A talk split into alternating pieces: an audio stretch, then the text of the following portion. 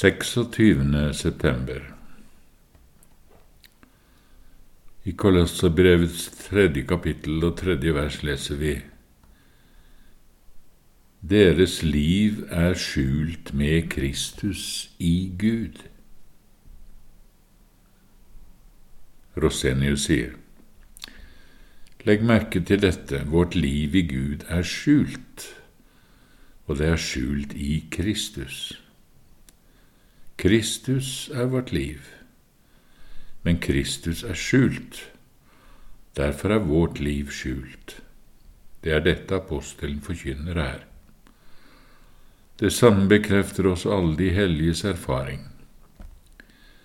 Men vi, vi vil ikke uten videre godta dette. Vi sier, var det et virkelig liv med Kristus i Gud?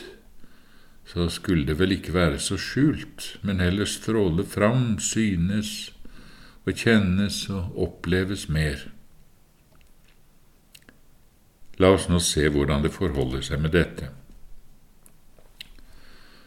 Det er sant at den som tror på Guds sønn, har vitnesbyrdet i seg selv, at Guds ånd vitner med vår ånd at vi er Guds barn. Det er sant det Johannes så ofte gjentar. Vi vet, vi vet at vi er av Gud. Vi vet at vi er Guds barn. Vi vet at Gud blir i oss. Et menneske som ikke har opplevd noen omvendelse, noen vekkelse fra synd, søvn, noen kamp under loven, noen forløsning i Kristus, ikke har fått et nytt liv med Kristus og en ny vandring med ham, men ennå er ett med verden, om enn ikke på de verste områdene. Det mennesket bedrar seg selv, det er helt sikkert. Og fremdeles tror en slik at han kan leve det skjulte livet med Kristus i Gud, og vil kanskje til og med oppfatte dette skriftstedet som om livet i Kristus ikke hadde noen som helst konkrete kjennetegn og ingen stadfestelse i noen ny kraft i ens liv. Nei, det står hele tiden fast det Skriften lærer om at det gode treet skal kjennes på Åndens frukter. Men når det åndelige livet samtidig er så skjult, så har det følgende grunner. Først og fremst at vår falne, blinde fornuft dels aldri forstår seg rett på Åndens verk og frukter, og dels ikke legger merke til disse.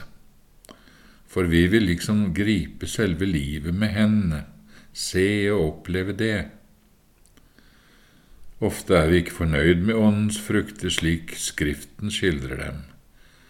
Vi vil selv bestemme hvordan det åndelige livet skal ta seg ut.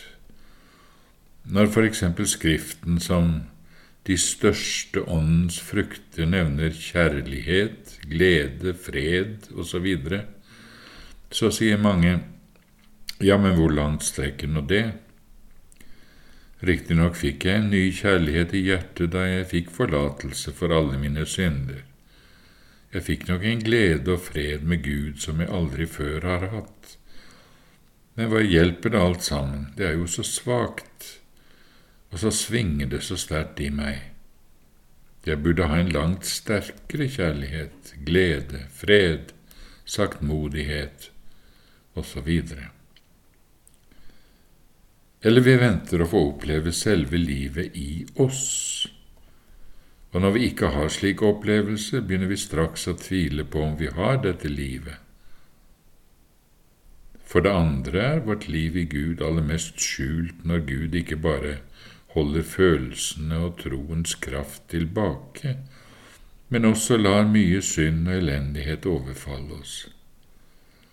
Når han tillater Satan å sikte oss på den mest grusomme måten, frister og plager oss med syndige tanker, lyster og begjær, slik at vi også av og til faller, slik at Peter fornekter sin Herre, lyver og banner, slik at Paulus og Barnabas tretter, Og når slike ting skjer med oss, hvor er da vårt liv med Kristus i Gud, tenker vi. Å nei, å tro at Guds ånd skulle bo i meg, det er jo den største galskap. Nei, ikke Guds ånd, kanskje djevelens. Ja, nå er vårt liv med Kristus virkelig godt skjult. I tillegg lar Gud alle slags vanskelige opplevelser, ulykker, lidelse ramme oss, ja, skylle over oss som en flodbølge. Som når alle ondskapens krefter, naturen, mennesker og ånder slo seg sammen mot en gudfryktig jobb. Røvere, lyn og storm tok fram alt det han eide, til og med barna og djevelen plaget hans legeme, hustruen spottet hans tro, de ynkelige vennene hans veltet nye steiner til byrden hans, og hans eget hjerte raste mot Gud så han forbannet den dagen han ble født. Hvor er nå mannen som var så høyt benådet at det ikke fantes hans like i hele landet? Hvor er nå det inderlige Guds vennskap som han hadde? Her har vi et eksempel på hvor uendelig dypt vår herlighet kan være skjult. Men av alt dette onde som tåkelegger og skjuler vårt liv med Kristus, kan likevel ingenting sammenlignes med synden. Utvortes lidelser er sammenlignet med den bare svake lidelser. Det er snart å lære seg at disse er et faderlig ris, at den Herren elsker, den tukter han. Men når synden og djevelen og hissige syndens lyster raser i kjødet, da kjenner du deg som død. Da føles det som om Ånden har forlatt deg, som om Gud i sin rettferdige dom har forlatt deg, videre. Ja, dette er de virkelige dødsstøtene, og de går gjennom marg og bein hos oss. Det formørker vårt liv under nåden. Det er ikke noe annet som hjelper enn å slutte med all vår tanke om vårt eget nådeliv, og bare se på vår evige og uforanderlige Gud selv, om ikke Han kan frelse og hjelpe oss ut av dette.